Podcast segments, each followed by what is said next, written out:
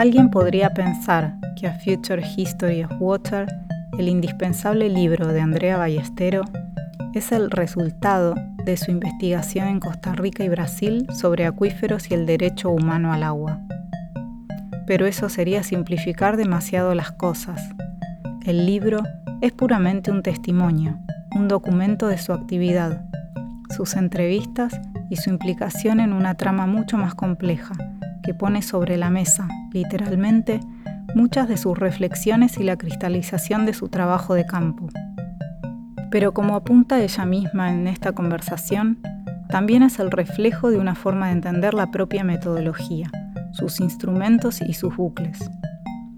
Yo me identifico con lo que la antropología hace posible, pero no necesariamente con una disciplina como tal, asegura en nuestra charla y es que el enfoque de Ballestero, tanto desde la docencia como desde su participación en el proceso de resistencia popular por el acceso universal al agua, es un ejercicio de feedback que difumina por completo la división entre teoría y práctica. Su trabajo aboga por superponer la etnografía con un modus operandi colaborativo y feminista, y las posibilidades de acción latentes en el entorno, ya sea este un entorno natural, una agencia reguladora o los dispositivos técnicos jurídicos que se colocan en el centro de estas movilizaciones políticas. Hablamos con Andrea Ballesteros sobre acuíferos y futuros amorfos, sobre la imaginación como parte esencial del proceso de investigación académica, sobre el potencial de las prácticas burocráticas como engranajes de un posible mecanismo de cambio un cambio que no necesariamente pasa por transformaciones globales a gran escala, o de cómo reorientar la energía colectiva hacia el presente como forma de asegurar un futuro más justo, a través de acciones mundanas y cotidianas, pero con consecuencias directas y palpables. Yo soy de Costa Rica, hice mi doctorado en Estados Unidos y por cuestiones de la vida inesperadas me quedé trabajando acá en Estados Unidos, cuando mi plan original era regresar a Costa Rica. Entonces, muchas de las conversaciones que mis colegas en la clase durante el doctorado tenían sobre el tema de lo que es la teoría, el tema de cómo se utiliza la teoría, venía de una historia de vida particular de ellos. Y al yo eh, reflexionar un poco cuál era mi historia de vida, eh, pues empecé a escarbar ciertos elementos que quizá me, relacionaban con, con, la teoría, como dicen en inglés, T mayúscula, de una forma peculiar. La teoría T mayúscula para mí es la idea de que existen estas ideas que son generalizables, que son de cierto modo abstraíbles de las circunstancias de las cuales eh, se originan, que pueden tomarse como si fueran una cajita con un regalo, moverse a un lugar distinto, abrir ese papel de regalo y activar eh, esos contenidos. Y esa idea de, teoría también surge en ese momento de mi formación a través eh, de las conversaciones que se tenían en, los seminarios de antropología que yo estaba llevando, donde siempre encontrábamos una, una tensión muy, muy productiva. La idea de que existen estas ideas generalizables y como antropólogas y antropólogos, nuestro rendirnos ante las circunstancias específicas de las vidas de las personas y los seres con los que trabajamos. O sea, la especificidad histórica siendo el bien, digamos, más preciado desde la antropología, entender los mundos y las personas y los seres desde su especificidad histórica. O sea, entender cómo se vive la vida, cómo se pasa el COVID en Barcelona desde el punto de vista antropológico es una tarea bastante distinta de entender cómo se vive, el, el, COVID en Houston o cómo se vive en San José, Costa Rica. Y cada uno de esos espacios todavía necesita ser desmenuzado aún más. ¿Quién es en Barcelona y dónde? ¿Quién es y dónde en Houston? ¿Quién es y dónde en San José? Entonces, si tenemos ese compromiso con la especificidad histórica y espacial, ¿Cómo nos relacionamos con la teoría? Cuando la teoría con T grande ha sido entendida como esta serie de preceptos que viajan y que son aplicables en distintos contextos. Y esa es una de las cosas más maravillosas que tiene la antropología, esa, esa dificultad. cómo lidiar con ambas cosas. Entonces, para mí era importante pensar, por un lado, desde mi perspectiva desde mi historia de vida como una persona que hace investigación en Costa Rica, siendo de Costa Rica, o sea, no la misma configuración que podría ser una persona de, de Estados Unidos haciendo investigación en Guatemala o una persona de Alemania haciendo investigación en Italia, ¿verdad? Sino una persona que hace investigación sobre y en lugares que le son eh, familiares por historia de vida. Entonces, ¿qué hacemos con la teoría con, con grande T en esa circunstancia? En lugar de proponer un manifiesto que definiera qué es la teoría en su encuentro con la especificidad histórica, lo que me interesaba a mí era pensar cuáles son las prácticas, los gestos analíticos y conceptuales que uno puede hacer para lidiar con esa dificultad. O sea, en lugar de proponer otra teoría, otra abstracción que viaje y explique en cualquier circunstancia, en cualquier momento histórico, qué hacer con teoría, qué tal si pensamos en los gestos, en las maniobras, en, los, en las movidas, si se quiere, conceptuales que podemos hacer para explorar ese problema en el buen sentido de la palabra, de cómo conjuntamos o cómo articulamos ideas que son generalizables y abstractas con espacios y tiempos concretos. Uno de los ejemplos que demuestran estas posibilidades más concretamente es quizá porque es un, uno de los teóricos más conocidos y que mucha gente en distintos ámbitos maneja, es el, eh, el trabajo con, con las ideas de Karl Marx, ¿verdad? ¿Qué hacemos con Marx en Costa Rica cuando pensamos sobre agua? ¿Y qué hacemos con Marx también cuando abrazamos o asumimos la filosofía epistemológica de su propia propuesta, ¿verdad? Porque de cierta forma, ¿qué es lo que hace Marx? Hace, lo que hace es irrumpir la filosofía con un compromiso con la coyuntura histórica, ¿verdad? Construir ideas generalizables a través de coyuntura histórica, no a través de principios platónicos abstractos, etcétera. Entonces, por ejemplo, ¿qué hacemos con Marx cuando estamos pensando sobre el derecho humano al agua? Bueno, una opción es adoptar los preceptos que han sido identificados como elementos centrales en el pensamiento de Marx que la lucha de clases, que el, problema de la comodificación, que la fórmula a través de,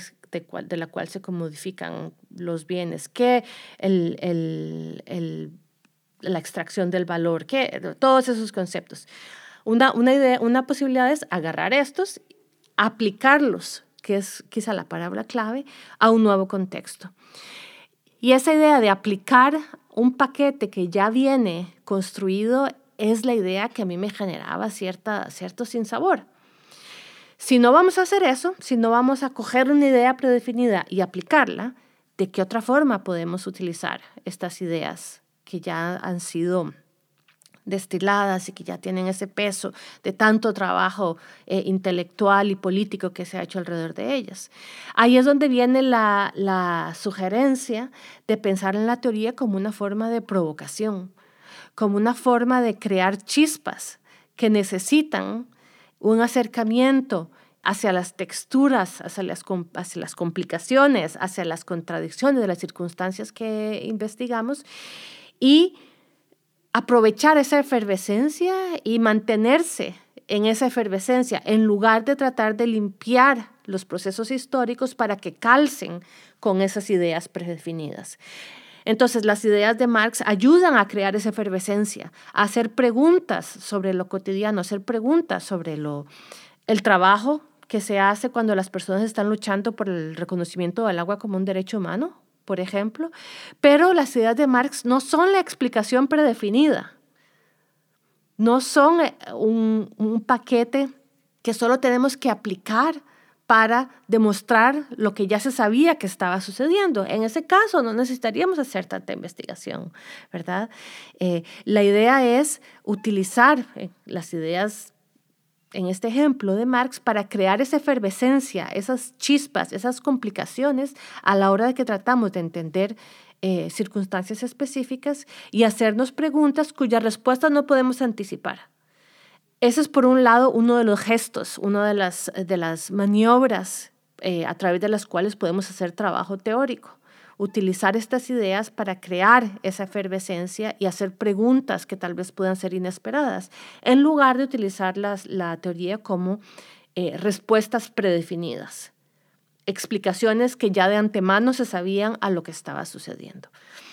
Eh, el otro gesto que en mi caso ha, ha sido muy, muy generador de impresiones frescas, si se quiere, sobre el mundo que nos rodea, es la idea de utilizar conceptos teóricos para crear un, paralaje, si se quiere, una forma de organizar las líneas de, la visión o las líneas de, de observación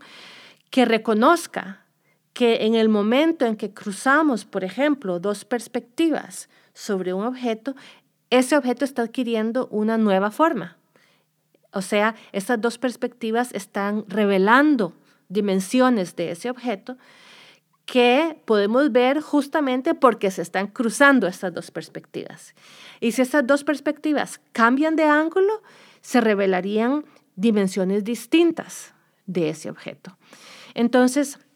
en este uso de, los conceptos teóricos es un poco el mismo principio, mantener ese movimiento en lugar de eh, petrificar, si se quiere, eh, lo que podemos aprender de ciertos conceptos teóricos. Entonces, en el caso del agua en Costa Rica, una de las tácticas fue, si ponemos las luchas sociales o si ponemos las prácticas burocráticas como objeto de estudio y cruzamos dos perspectivas para entender lo que esas prácticas son, la perspectiva de la comodificación y la, y la perspectiva, eh, comodificación creo que no es la palabra eh, adecuada, estoy traduciendo del, inglés al español, eh, la mercantilización del agua, la, la, conversión del agua en una mercancía, este, por un lado, y la filosofía de los derechos humanos por el otro, si cruzamos esas dos perspectivas, ¿cómo se revelan las prácticas a través de, de las cuales la gente está luchando políticamente alrededor del tema del agua? En lugar de antemano haber definido, ah, esto es un ejemplo más de mercantilización y eso y ya sabemos cómo la mercantilización funciona y estos son los pasos que están dando y eso explica todo lo que está sucediendo, porque empíricamente no explica todo lo que está sucediendo, revela algunas partes, pero no explica la riqueza de afectos, materialidades, prácticas, historias que se activan cuando la gente se organiza alrededor de un tema como el agua. Entonces, esa idea de crear un paralaje que es justamente la combinación de esas perspectivas y entender y asumir que ese paralaje es dinámico, que, que cambia, que en el momento en que agregamos otra perspectiva se revelan nuevas dimensiones de ese objeto al cual estamos dirigiendo nuestra atención. Esas han sido dos formas en las que eh, he tratado de, verbalizar lo que es un trabajo con la teoría, que no es el trabajo de aplicación. Además, hay un otro elemento que me gustaría mencionar, que la idea de la aplicación de la teoría también acarrea una división global del trabajo intelectual, donde han sido ciertas y ciertos pensadores, usualmente occidentales, usualmente de europeos o de Estados Unidos, los cuales califican como teóricos y son las personas de otras partes del mundo viviendo su día a día las cuales califican como ejemplos empíricos, ¿verdad? Entonces, la idea de aplicar teoría también acarrea en su bagaje, en su, en su equipaje, esa división global de la producción del conocimiento. Entonces, rechazar, si se quiere, la idea de que es un problema de aplicación es también una forma, para mí ha sido una forma de introducir en el trabajo académico y en el trabajo de investigación mis compromisos políticos, ¿verdad? De una forma que, que, no es necesariamente describir los compromisos políticos de las acciones alrededor del agua, sino cómo se manifiestan esos compromisos políticos en los principios epistemológicos que uno adopta o en las formas de hacer investigación, las formas de pensar y contar historias que combinan ideas que han sido producidas por muchas personas en muchas partes eh, del mundo.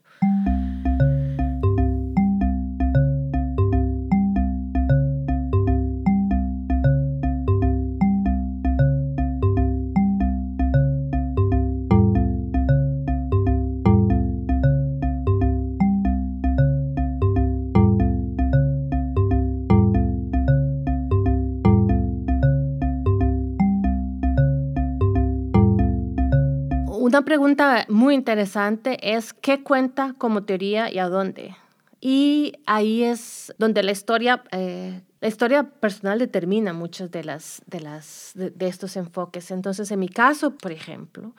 si, y volvemos al caso de Marx, Marx no fue un libro para mí.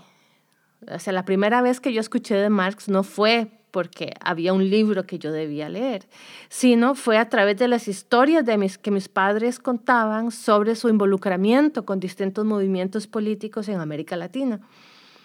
particularmente en Nicaragua, en Chile y Argentina.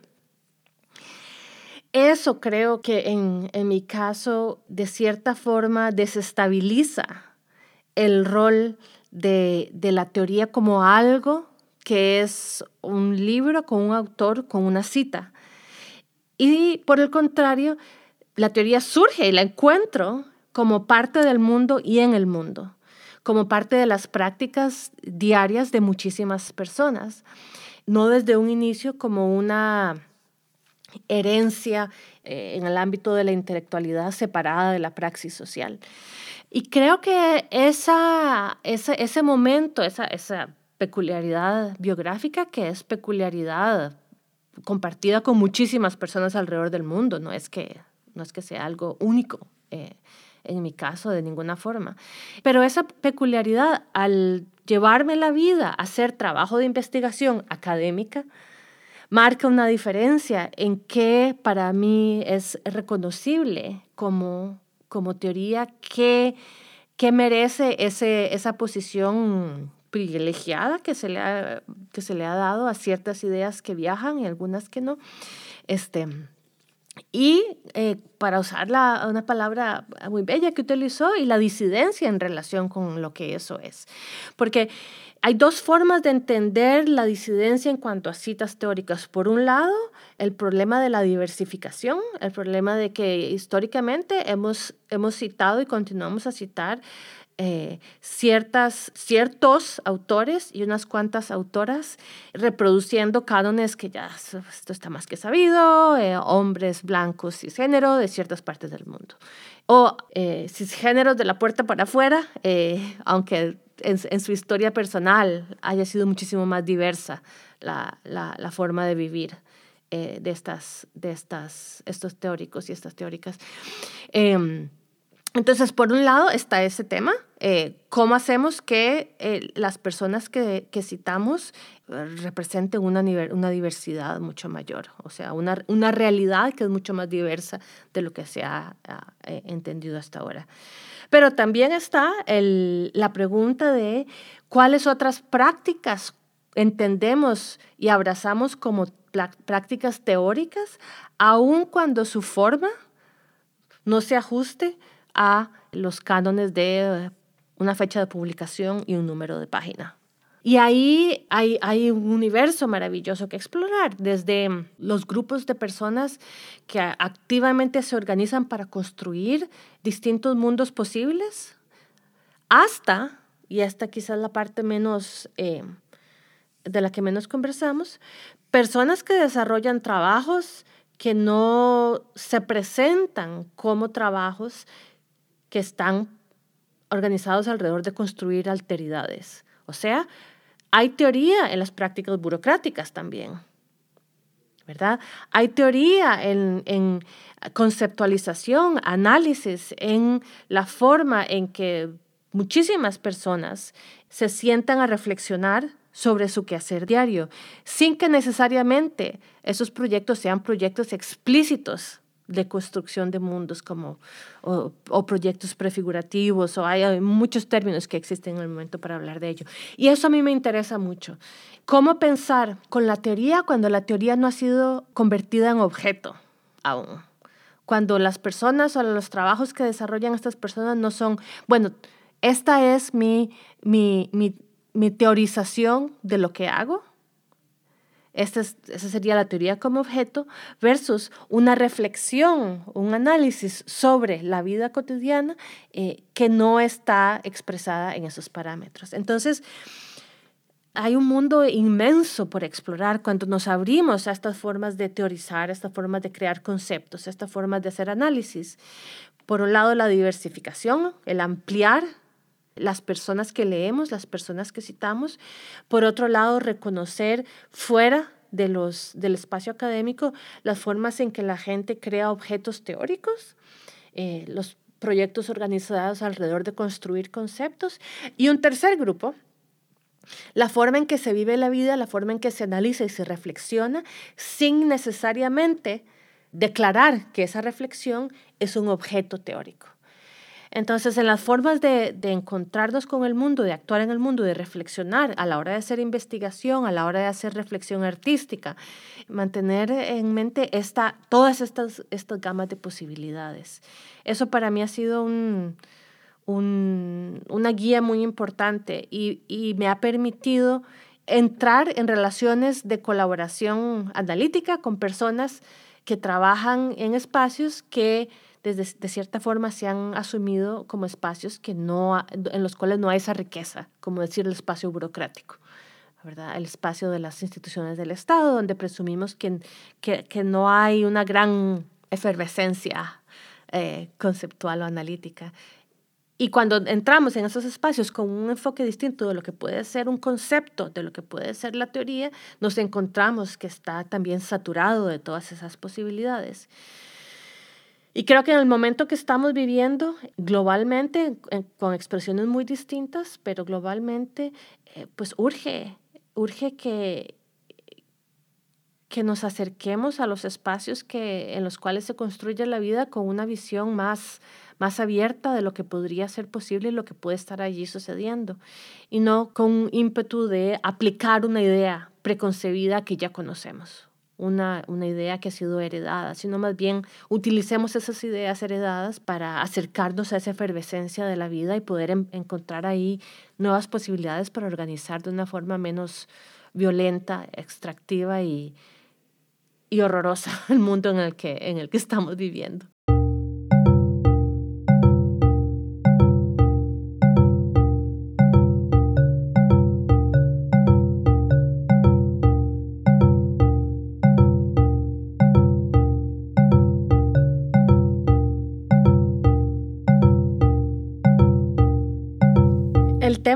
Futuro es, es un tema que ha saturado nuestras conversaciones en, en, en, el último, eh, en los últimos cinco años, diría yo, diez años quizá.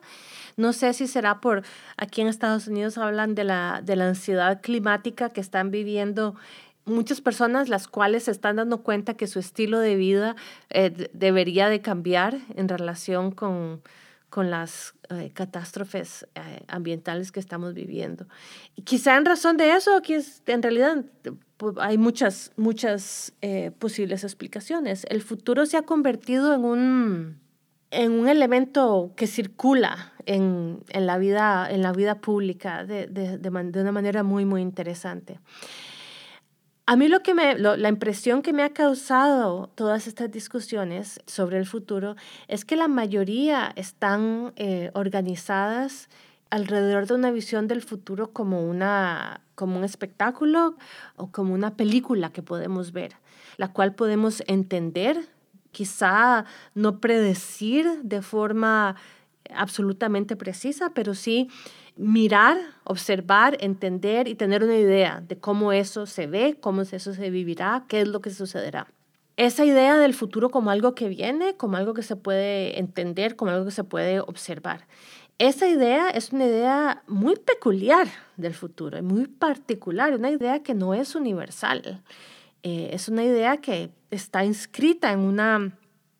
una modernidad que está organizada alrededor de estos grandes proyectos. El proyecto actual de la modernidad es el futuro desde mi punto de vista. Y esa forma de acercarse al futuro, como decía, no es universal. Y para mí esto fue muy, muy potente entender esto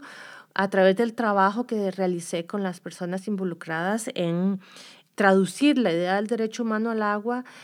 en acciones precisas de toma de decisiones muy concretas en, agencias regulatorias, en el, Congreso de Costa Rica, eh, con ciertas ONGs, o sea, personas que, que estaban lidiando con ese futuro no a través de describir una imagen modernista, predictiva o especulativa, en cualquiera de, las dos, de los dos órdenes, sino que el futuro era algo amorfo, algo que no hay necesidad de tener una visión precisa de cómo será ese futuro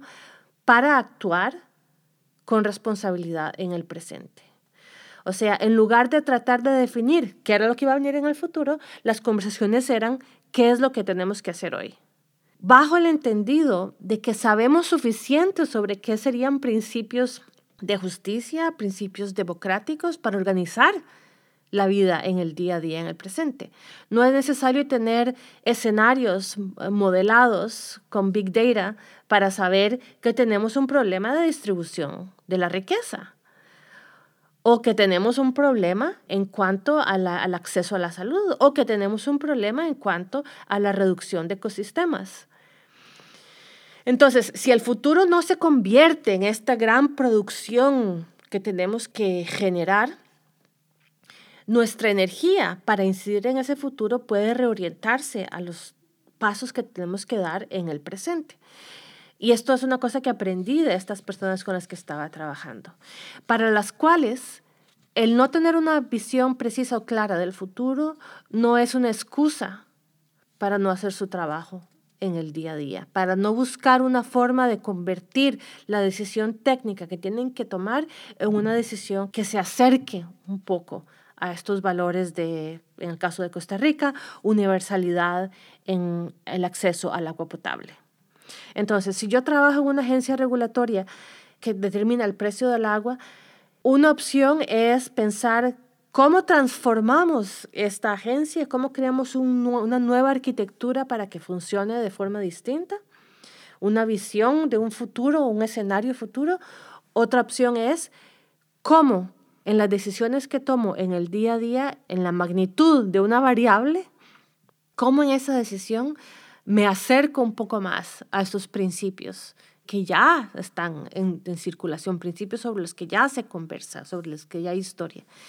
Y eso que aprendí de, de mis colaboradores fue una, una, lección muy, muy importante en el sentido de que desde la, hay una cierta forma en que hacemos análisis de la circunstancia social que presume una distancia, que presume que uno puede hacer comentario, hacer em, análisis, mientras tanto otras personas actúan en el presente. O sea, hay una distribución del trabajo crítico de esa forma.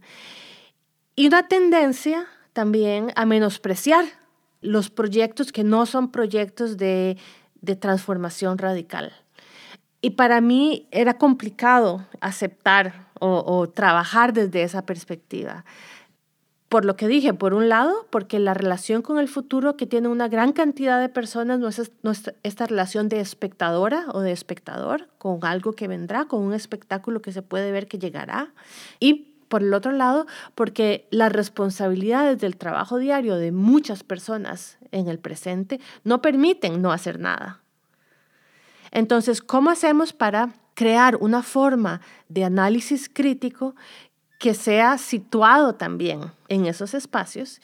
y que no desconozca las posibilidades que existen para el cambio social en acciones mundanas y pequeñas que usualmente se descartan por no predecir o por no ser causa a un efecto transformador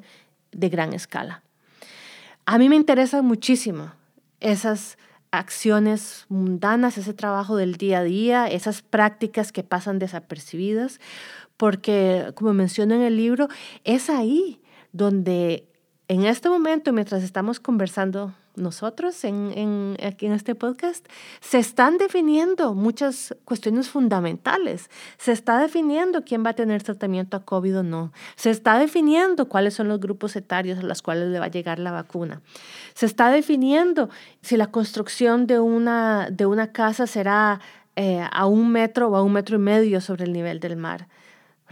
Todas esas cosas que, que parecieran ser menores en el contexto de los grandes problemas en los que estamos eh, inmersos, son decisiones que determinan el día a día y la vida de muchísimos seres en el mundo. Entonces, ¿cómo volver nuestra mirada crítica de forma, a mí me gusta pensar, de forma generosa, pero crítica,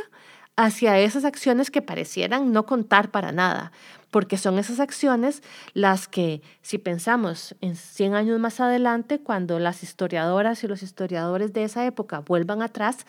son esas acciones también las que van a contar para explicar el mundo que se está viviendo en, esa, en ese momento. El volver la mirada hacia estas prácticas cotidianas, pequeñas y diarias, en realidad otra cosa que hace es multiplicar las posibilidades del cambio en lugar de cerrar las posibilidades para el cambio y depositarlas únicamente en transformaciones de gran escala, cuando al fin podamos ver esa visión del futuro que queremos y entonces cuando tengamos esa visión, vamos a poder construirlo, ese futuro en el presente. Si ustedes eh, piensan en lo que estoy diciendo, esa es la definición del, de la razón instrumental o de la modernidad, de cierta forma, la visibilización de un futuro y la organización de los medios para llegar a ese resultado. ¿Qué pasa si ponemos un poco entre paréntesis ese gran resultado y nos enfocamos en los recursos que tenemos alrededor?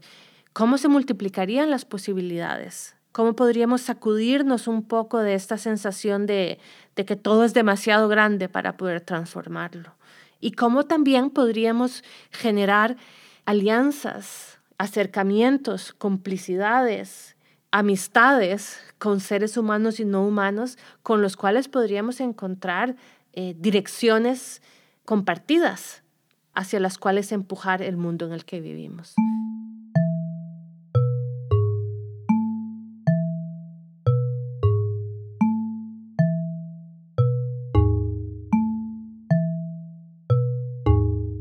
Formación original es en, el en Derecho.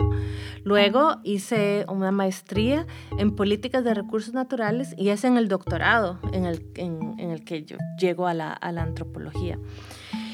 Además, quiero decir que yo me identifico con lo que la antropología hace posible pero no necesariamente con una disciplina como tal, porque una disciplina es, es, es, un, es como una familia, si se quiere, hay de todo, eh, hay de lo bueno y de lo malo, ¿verdad? Entonces no es, no es la disciplina per se, sino es lo que una disciplina puede hacer posible o las oportunidades que puede crear para hacer. Entonces, en ese sentido es que yo me eh, llego a la antropología y y me siento en un espacio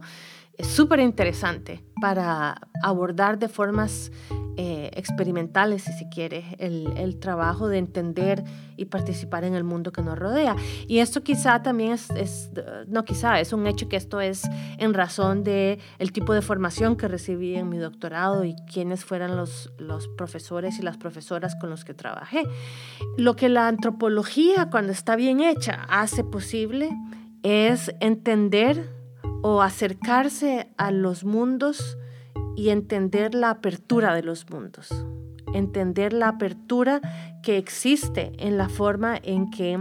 hacemos sentido sobre la vida, las, las, personas, los seres humanos y los seres no humanos, la forma en que nos organizamos, la forma en que expresamos nuestras historias y nuestras interpretaciones por, en relación con lo que ha sucedido, las formas en que la violencia se ejecuta, se vive y se, sufre.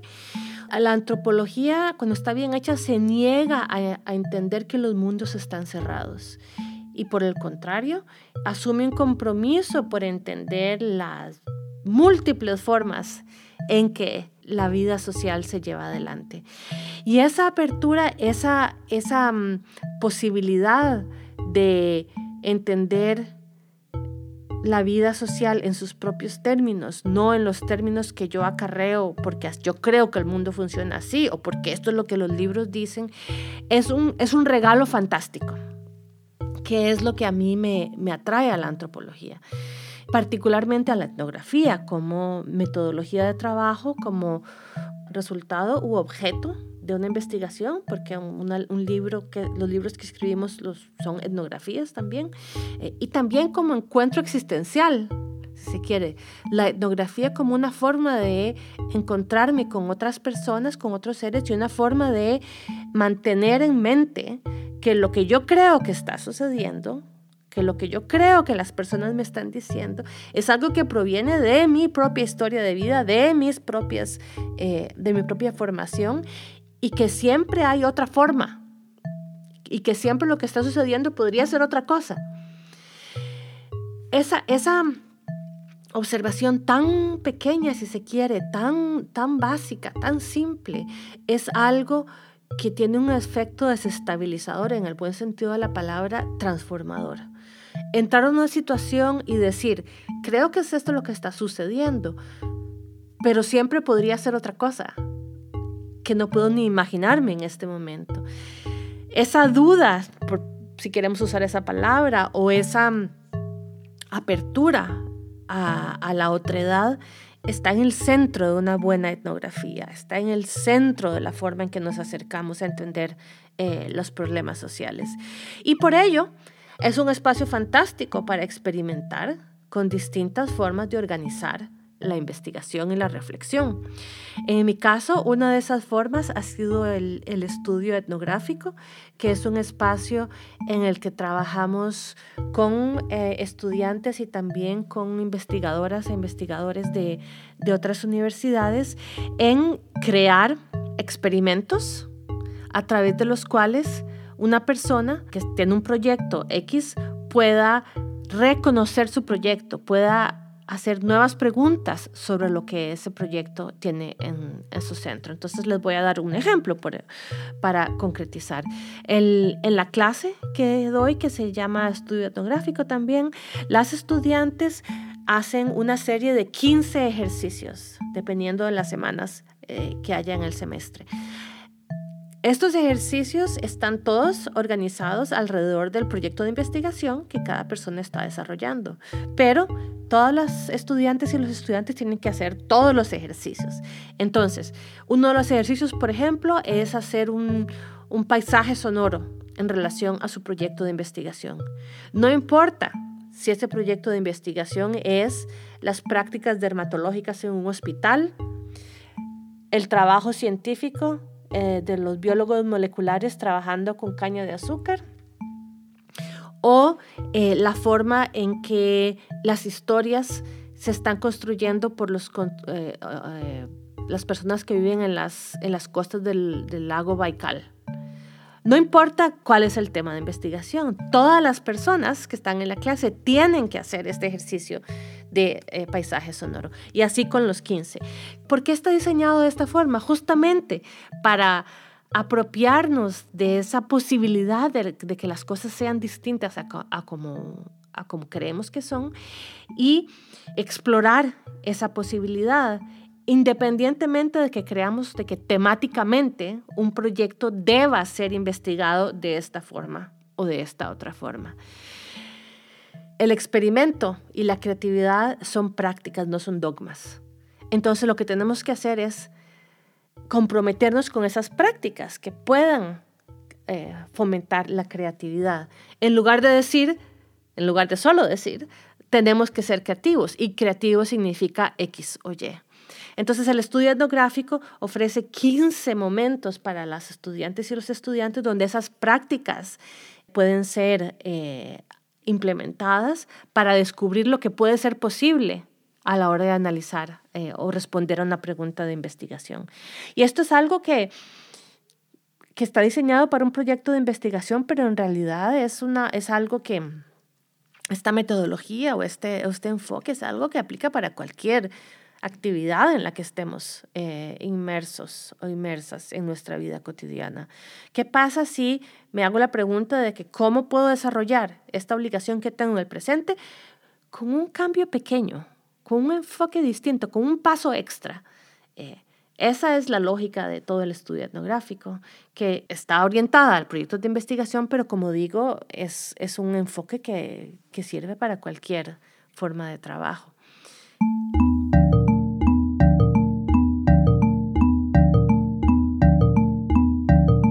La inspiración es una inspiración colaborativa y feminista, 100%, eh, en, el sentido de el punto de partida no es una, una superhéroe investigadora. El punto de partida es una persona con responsabilidades eh, inmediatas personales, con responsabilidades eh, con las personas con las cuales se desarrolla la investigación, en el caso de mi investigación sobre el agua, y con responsabilidades con mis colegas em, investigadoras e investigadores en distintas partes del mundo. Responsabilidades que son respuesta también a cómo mi, propia, mi propio ser se ha enriquecido a través de estas relaciones. Entonces, la idea de, de el investigador superhéroe que es una idea pasada, vieja, trasnochada, al mismo tiempo es una idea que continúa teniendo vigencia, ¿verdad? Y que es, que es premiada en muchas eh, jerarquías e instituciones en todos los países. En, esto no es un, un asunto que sea que suceda solo en algunas instituciones, solo en el ámbito académico, o solo en, en, relación con los investigadores, o solo en los museos. Eh, es, es una práctica es una situación transversal. Sin embargo, quizá es también un rasgo que caracteriza la buena etnografía, porque a diferencia de otras ramas de, de, investigación o del pensamiento, donde lo que se premia es la genialidad de la autora o del autor, en la etnografía se acarrea un poco de eso porque se premia qué tan innovadora o qué tan interesante una, las propuestas de un autor o un autor son. Pero para llegar ahí, la investigadora y el investigador dependen de qué tanto las otras personas estén dispuestas a compartir con ella o con él. Aunque el mito del investigador o el investigador superhéroe se refleje en lo que una persona escribe, en la práctica, en el proceso de ir a conversar y conocer mundos distintos al propio, eh, eso es solo posible si una persona está rodeada por otros seres, instituciones y personas que están dispuestas a compartir su vida y su experiencia. Entonces, debería haber un reconocimiento de una cierta humildad de parte de las antropólogas y los antropólogos en general. Hay, hay muchas conversaciones sobre esto, pero en el sentido de que las ideas que nosotros proponemos siempre son una combinación de nuestras propias eh, reflexiones con una reflexión que es compartida, colaborativa y, y construida con las personas con las que hacemos trabajo de campo. En mi caso, los capítulos del libro sobre el agua están organizados alrededor de dispositivos que mis colaboradores me dijeron que son los dispositivos que estaban eh, dándole forma a la discusión sobre el derecho humano al agua. O sea, no es la genialidad abstracta de Andrea Ballestero, es lo que Andrea Ballestero aprende de estar en el espacio y en el tiempo con otras personas. Y lo mismo sucede con el trabajo que hacemos eh, con colegas, investigadoras e investigadores, donde, donde esta construcción colectiva del conocimiento es, es una premisa, es un objetivo eh, y tampoco debe ser idealizado, ¿verdad? No es presumir que la colaboración siempre es un proceso armónico, siempre es un proceso que termina en un resultado agradable, positivo. No, la colaboración es como la familia también. Eh, está, está llena de conflictos, malentendidos, diferencias radicales y entonces es la forma en que entendemos nuestro compromiso político con la vida, cómo esta forma se traduce en las prácticas pequeñas de construir colaboración, de, escribir un libro en conjunto, de eh, redactar una introducción en conjunto, de qué hacer cuando me irrito porque mi colaborador o mi colaboradora eh, no hace lo que dijo que iba a hacer o lo hace de forma distinta, o, o cómo yo escucho cuando mi colaboradora se irrita porque yo no hice lo que tenía que hacer, etc. Entonces, esa riqueza, esa efervescencia en la textura de lo cotidiano y cómo los principios que podemos tener de manera abstracta se reflejan en ese quehacer del día a día. Y cómo se reflejan en, una práctica colaborativa que, como dije al inicio, es un, está inspirada por los principios eh, feministas de atención al, al, cuidado, de responsabilidad, y de inspiración y alegría y emoción y, las razones que de fondo hacen que uno haga lo que, está, lo que está haciendo, que son las que nos mueven para hacer estos trabajos, para tener estos trabajos que tienen muchas cosas maravillosas y también como cualquier trabajo tienen cosas duras y difíciles y cosas pues no tan agradables también. Pero sí, los principios como la de colaboración como una práctica del feminismo en lo cotidiano, en las acciones pequeñas, en el quehacer diario.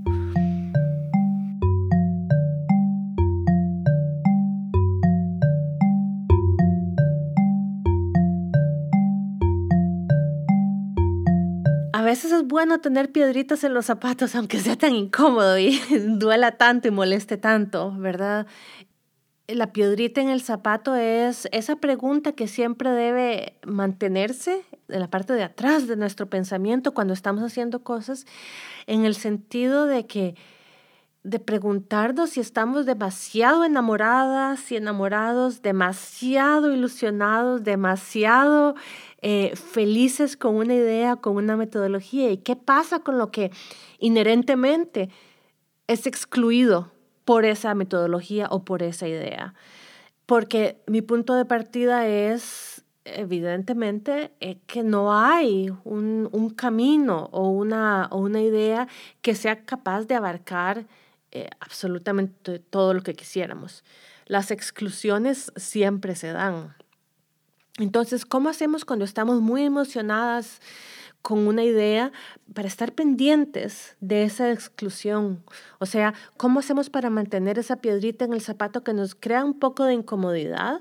para no convertirnos en seres totalitarios de las ideas, ¿verdad? En seres totalitarios de las metodologías. Por ejemplo, con el tema de la experimentación, tengo una piedrita, una piedrita en el zapato siempre, de que estamos viviendo en una, una época donde la experimentación es un valor social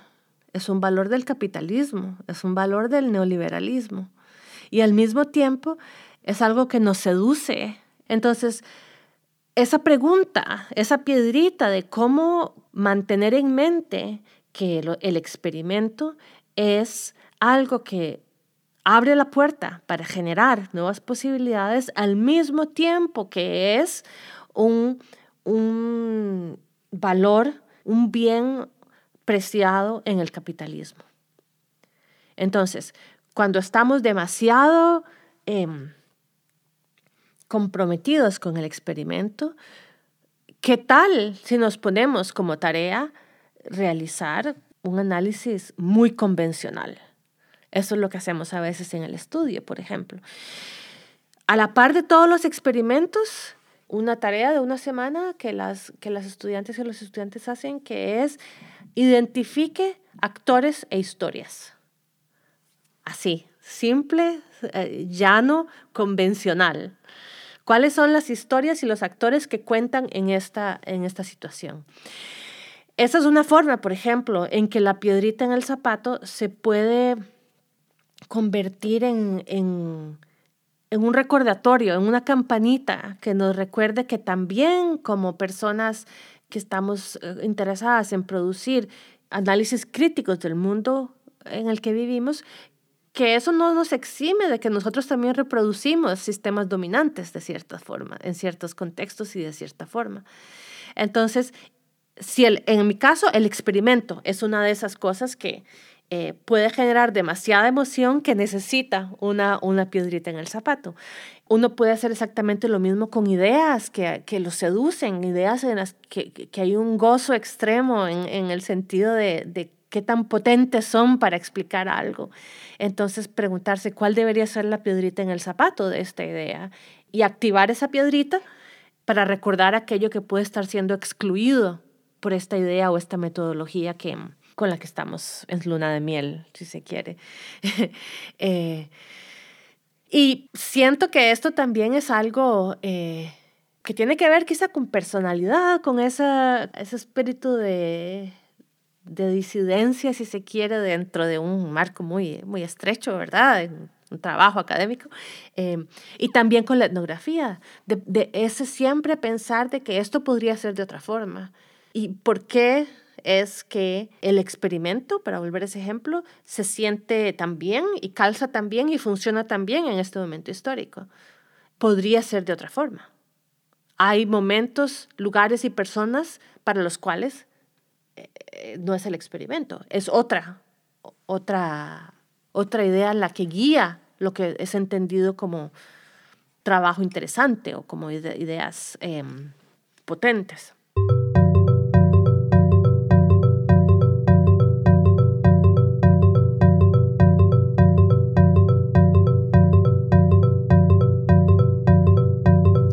Discusión sobre el derecho humano al agua eh, yo la encuentro en Costa Rica. Cuando regreso de, hacer mi maestría en Estados Unidos y las personas que trabajaban eh, o que continúan trabajando con ONGs a las cuales yo estaba vinculada de alguna forma en el anterior están en el periodo anterior están trabajando muy activamente alrededor del tema del derecho humano al agua.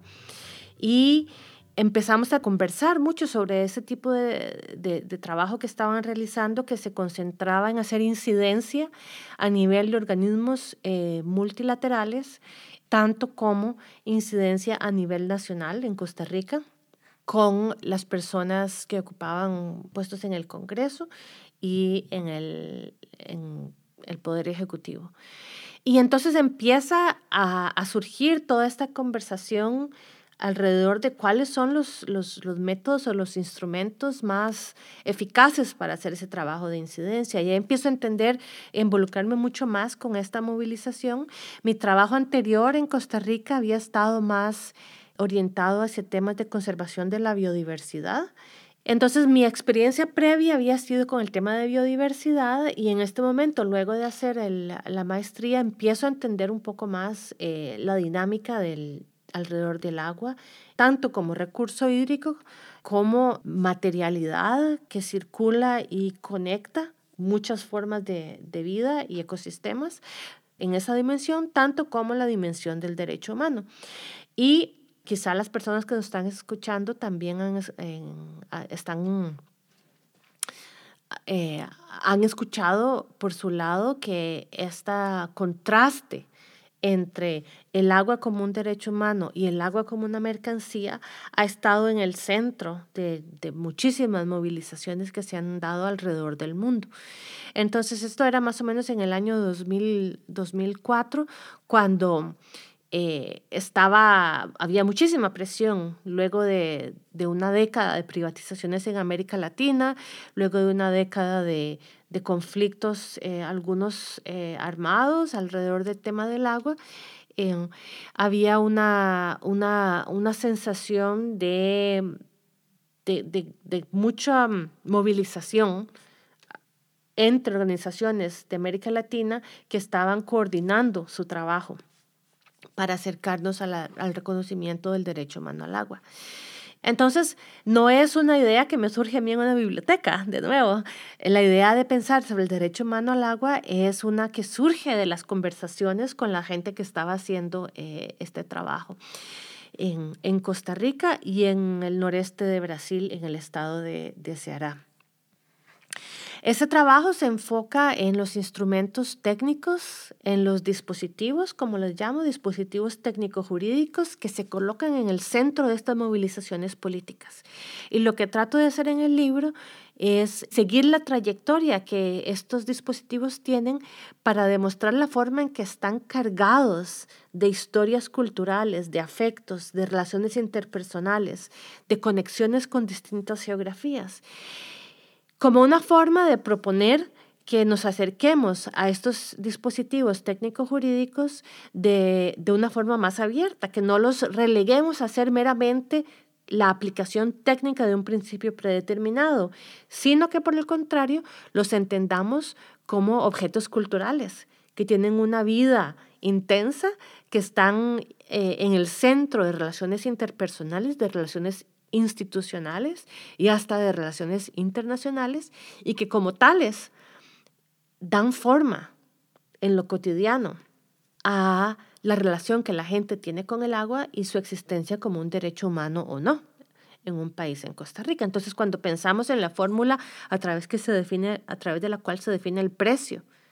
de la tarifa de agua, cuando pensamos qué tanto se aumenta ese precio, cómo se define ese precio, cuando pensamos en la, en la lista de tipos de agua que están reconocidos por una reforma constitucional eh, que protege el derecho humano al agua. Todas esas cosas que parecieran ser extremadamente técnicas, en realidad son objetos y procesos sociales y culturales que están cargados de relaciones interpersonales, de afectos, de materialidades, etc. En el proceso de hacer la investigación para ese libro, empecé a encontrarme con muchas personas en Costa Rica que estaban orientando su trabajo hacia el tema de los acuíferos hacia el tema del agua subterránea. En este momento estoy haciendo un, segundo proyecto alrededor de, de, esa temática, donde lo que me mueve es entender la forma en que esta invitación que se está haciendo a las ciudadanas y ciudadanos, a las personas que viven en, en ciertos territorios, de pensar en los acuíferos, de pensar en el agua subterránea, es en efecto una invitación a transformar los parámetros espaciales, o sea, la forma de entender el espacio. Cuando nos dicen tenemos que pensar no solo en lo que sucede sobre la superficie, sino en lo que sucede bajo la superficie, surgen muchísimas preguntas sobre qué es ese espacio, cuál es su forma, cuáles son sus dinámicas, cómo se mueve el agua por ahí, cómo se conecta lo que está sucediendo ahí debajo de la superficie con lo que sucede sobre la superficie. Entonces, este proyecto está enfocado en entender esa transformación y hay dos puntos que me interesan muchísimo en esa gran transformación. Uno es el rol de la ciencia cómo el conocimiento científico está circulando o no en esa invitación que se hace a pensar en el espacio subterráneo. Y el segundo tema que me interesa mucho es la propiedad privada. ¿De qué forma cambia o no la forma en, que se entiende lo que es la propiedad privada cuando tenemos que pensar en lo subterráneo, que en un lugar como Costa Rica está fuera de la propiedad privada. O sea, los recursos subterráneos eh, no pueden ser apropiados, sino que únicamente pueden ser, eh, en los casos de que sean explotados, mediante permiso o concesión del, del Estado.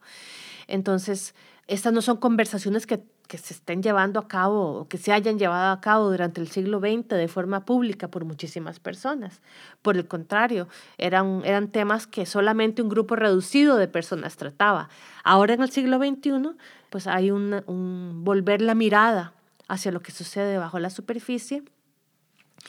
Y, y, estas preguntas surgen, la pregunta del rol de la ciencia, la pregunta de, eh, ¿será que esto cambia la forma en que entiende la gente la propiedad privada?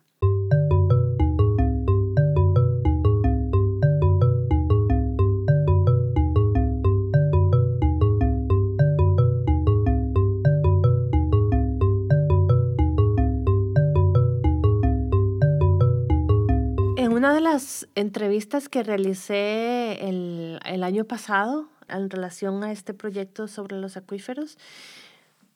le preguntaba a un, a un hidrogeólogo que trabaja en una agencia gubernamental en Costa Rica, si me podía explicar cómo él imaginaba los acuíferos debajo de Costa Rica, debajo de la superficie de Costa Rica. Y, y después de varias eh, varios intentos de hacerme entender, eh, me, dice, me dijo lo siguiente. La forma más práctica de pensar en, en, todo esto es entender que Costa Rica es un, un gran acuífero. Y de un momento a otro, lo que ya había, me habían enseñado desde pequeña, que Costa Rica, ¿verdad?, es parte del continente americano que divide los, el océano eh, Atlántico del océano Pacífico. De un momento a otro, pues, Costa Rica es como un barco. Entonces, ¿verdad? Eh,